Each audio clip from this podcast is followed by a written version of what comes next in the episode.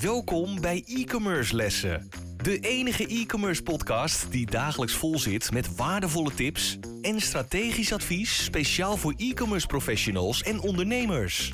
Gegeven door twee ondernemers met vele jaren aan ervaring die hun strepen verdiend hebben in de marketing en e-commerce. Laten we beginnen met het verhogen van jouw e-commerce kennis. Hier zijn je leraren, Dries de Gelder en Alexis van Dam. Les 36. Hoe hou jij de zaag scherp? Ik ben Dries de Gelder. Ik ben Alexis van Dam. Hoe hou jij de zaag scherp, Alexis? Nou, hoe hou ik mijn zaak scherp? Hè? Eerst even, wat betekent het dan? Uh, uiteindelijk uh, als ondernemer of als professional wil je altijd ook gewoon ervoor zorgen dat je uh, optimaal, efficiënt en effectief bezig bent. dat houdt dus niet in dat je zeg maar van 9 tot 5 altijd maar continu kan performen. Hè? heel simpel anekdote inderdaad.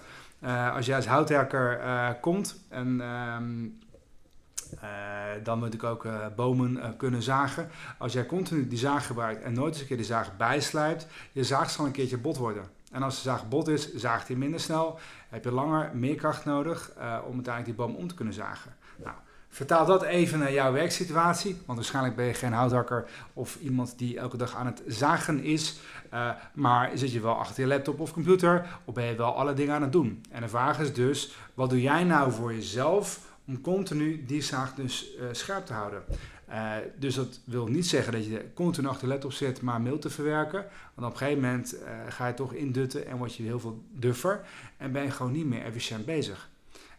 Nou, wat ik over het algemeen doe is voldoende breaks nemen. ik probeer ook daar waar kan tussen lessen door te wandelen of hard te lopen. Maar het ook gewoon heel veel water te drinken, even verpozen. Een van de dingen die ik, wanneer het zo uitkomt, die ik toepas, is de Pomodoro-techniek. Zoek er maar eens even op. Het heeft niet heel veel te maken met de tomaten. Anders dan dat de bedenker daarvan, um, zeker Francesco, bedacht... hey, ik wil eens een keer mijn werk gaan timen. En had daar toevallig zo'n kookwekker voor in de vorm van een tomaat. Oftewel Pomodoro in het Italiaans.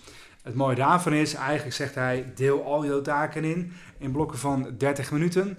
En in 30 minuten ga je 25 minuten aan je taak besteden en 5 minuten pauze. Dat herhaal je vier keer en dan neem je een langere break van een uh, kwartier tot half uur. Dat klinkt als heel simpel en eenvoudig. Dat kan misschien zo zijn, is het overigens niet.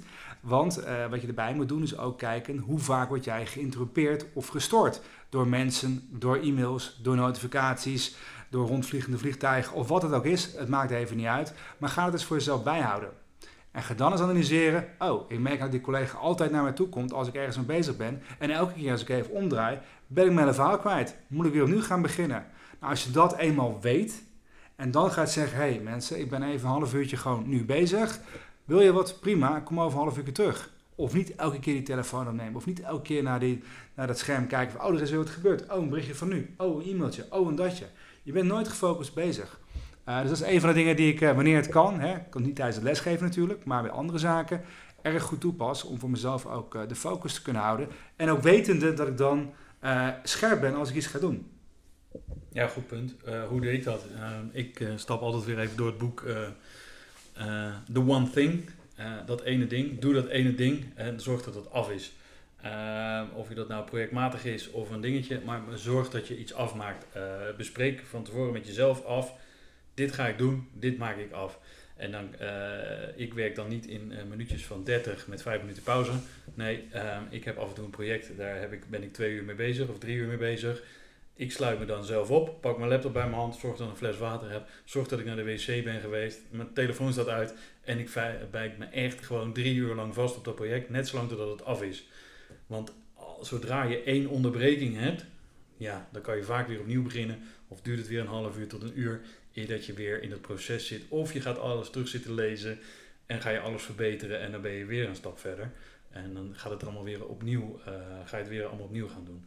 Dat lijkt me niet altijd uh, handig. Uh, wel is het belangrijk dat je regelmatig een, een onderbreking neemt. En wat ook een hele belangrijke is, is um, werk je veel achter een laptop, ga even naar buiten. Gewoon even die benen strekken, vijf minuutjes een frisse neus halen, even de lucht uh, snuiven, uh, loop een blokje om de auto, uh, sla een keertje tegen, schop een keertje tegen je autobanden en loop weer terug. Dat is vaak al voldoende om weer genoeg energie te hebben wat ik hier zelf doe, we hebben een behoorlijk groot kantoorgebouw waar je omheen kan lopen. Dat wandelingetje duurt misschien 4,5 minuut. Maar dus loop ik van de ene lift naar de andere lift en ik ben even buiten geweest. Heerlijk, daarna weer vol energie kan ik er weer tegenaan. Ja, we natuurlijk ook nu uh, de Ommetje-app. Dat is ietsje langer dan, tenminste 20 minuten. Dat zou wel een beetje de tijd moeten zijn. Maar dan kan je natuurlijk beter bijvoorbeeld tijdens een lunchbreak doen of een koffie of een andere break. Um, nog een ik even aanhalen is ook het uh, taken. Uh, we hebben natuurlijk allemaal heel veel taken als mens. Je hebt natuurlijk ook heel veel rollen als mens en ook allerlei doelen die je wilt bereiken. Kortom, uh, we hebben het allemaal heel erg druk, druk, druk, druk. Uh, maar dat heeft er ook een beetje mee te maken dat heel veel dingen door je hoofd heen schieten en suizen. En als je dat niet zo gestructureerd aanpakt, je dan altijd maar wat gaat doen. Uh, beter is eigenlijk om de dag van tevoren eens goed na te denken. Wat moet ik eigenlijk morgen echt doen? Oftewel je drie meest belangrijke taken, MBT'tjes of most important task, afhankelijk van de taal die je kiest. En ehm, die ga je definiëren. En het belangrijkste is eigenlijk ook om daar dan mee de volgende dag te gaan starten.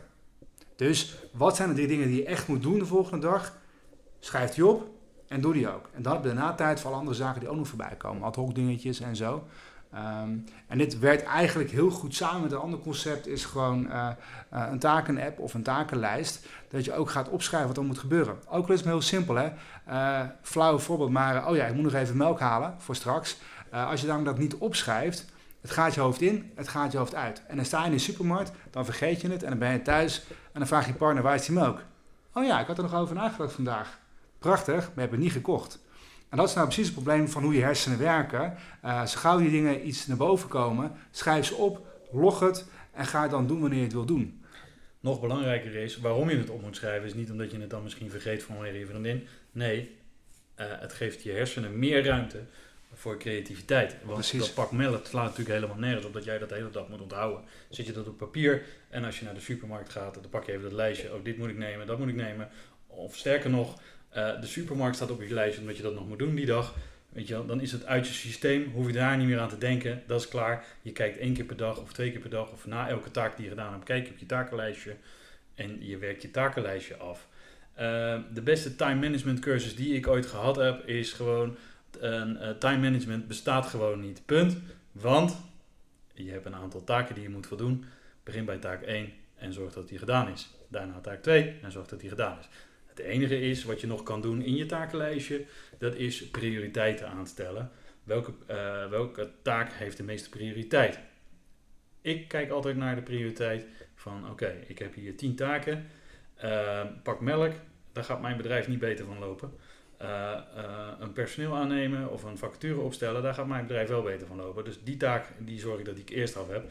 Taken die mijn bedrijf verder helpen te groeien, te ontwikkelen of voor omzet zorgen, die taken pak ik eerst op. Taken waar ik van denk, dat kost tijd, energie, maar het levert me niks op op de korte termijn. Misschien wel op de lange termijn, die stel ik een beetje uit en dan ga ik een andere keer tijd voor inblokken. Ja, heel goed. Ja, verder misschien de laatste tip. En we gaan nog wel eens een keer een ander lesje doen over heel veel andere tips. Maar is ook een beetje uh, de buffertijd. En dat klinkt eigenlijk als uh, misschien wat vreemd. Het niet de bufferen van het iets moet inladen. Maar meer gewoon de buffer die je voor jezelf creëert. Want er zijn altijd dingen die gebeuren. Uh, waar je opeens even aandacht aan moet geven. Uh, heel vaak zie je mensen een dag compleet vol plannen. Nou, we beginnen om 9 uur. We gaan om half zes naar huis toe. We hebben een koffiepauze, een theepauze en een lunchpauze. Dat is zoveel tijd. Dus hou ik effectief zoveel tijd over. 100% belasting daarvan. Maar opeens komt een telefoontje en dan moet je aandacht aan besteden. Heb je niet gepland. Dus wat gebeurt er eigenlijk op de eerste dag? Je gaat overwerken of je gaat dingen niet halen en dan ben je jezelf uh, teleurgesteld. Dus plan niet alles helemaal vol. Plan ruimte voor buffer of voor ad hoc zaken.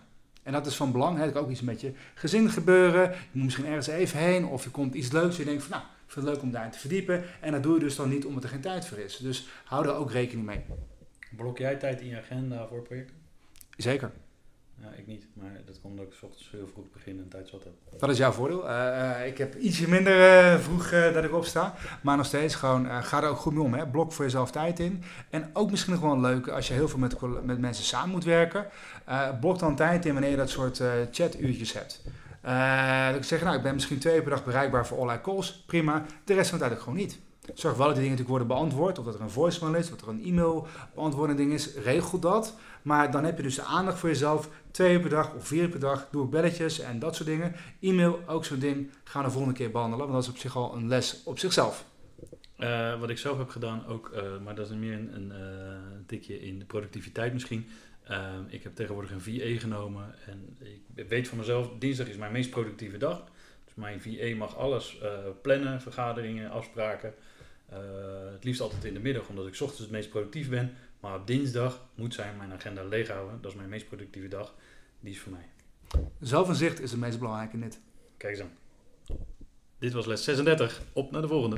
Wij waarderen het enorm dat je weer naar een e-commerce les hebt geluisterd. Ga naar e-commercelessen.com voor nog meer interessante content over deze les en schrijf je in voor onze nieuwsbrief voor nog meer succes. Vergeet absoluut geen review te schrijven en je te abonneren op onze lessen. Einde les. E-commerce studenten, jullie kunnen de klas verlaten en vergeet de volgende lessen niet voor nog meer geweldige e-commerce resultaten.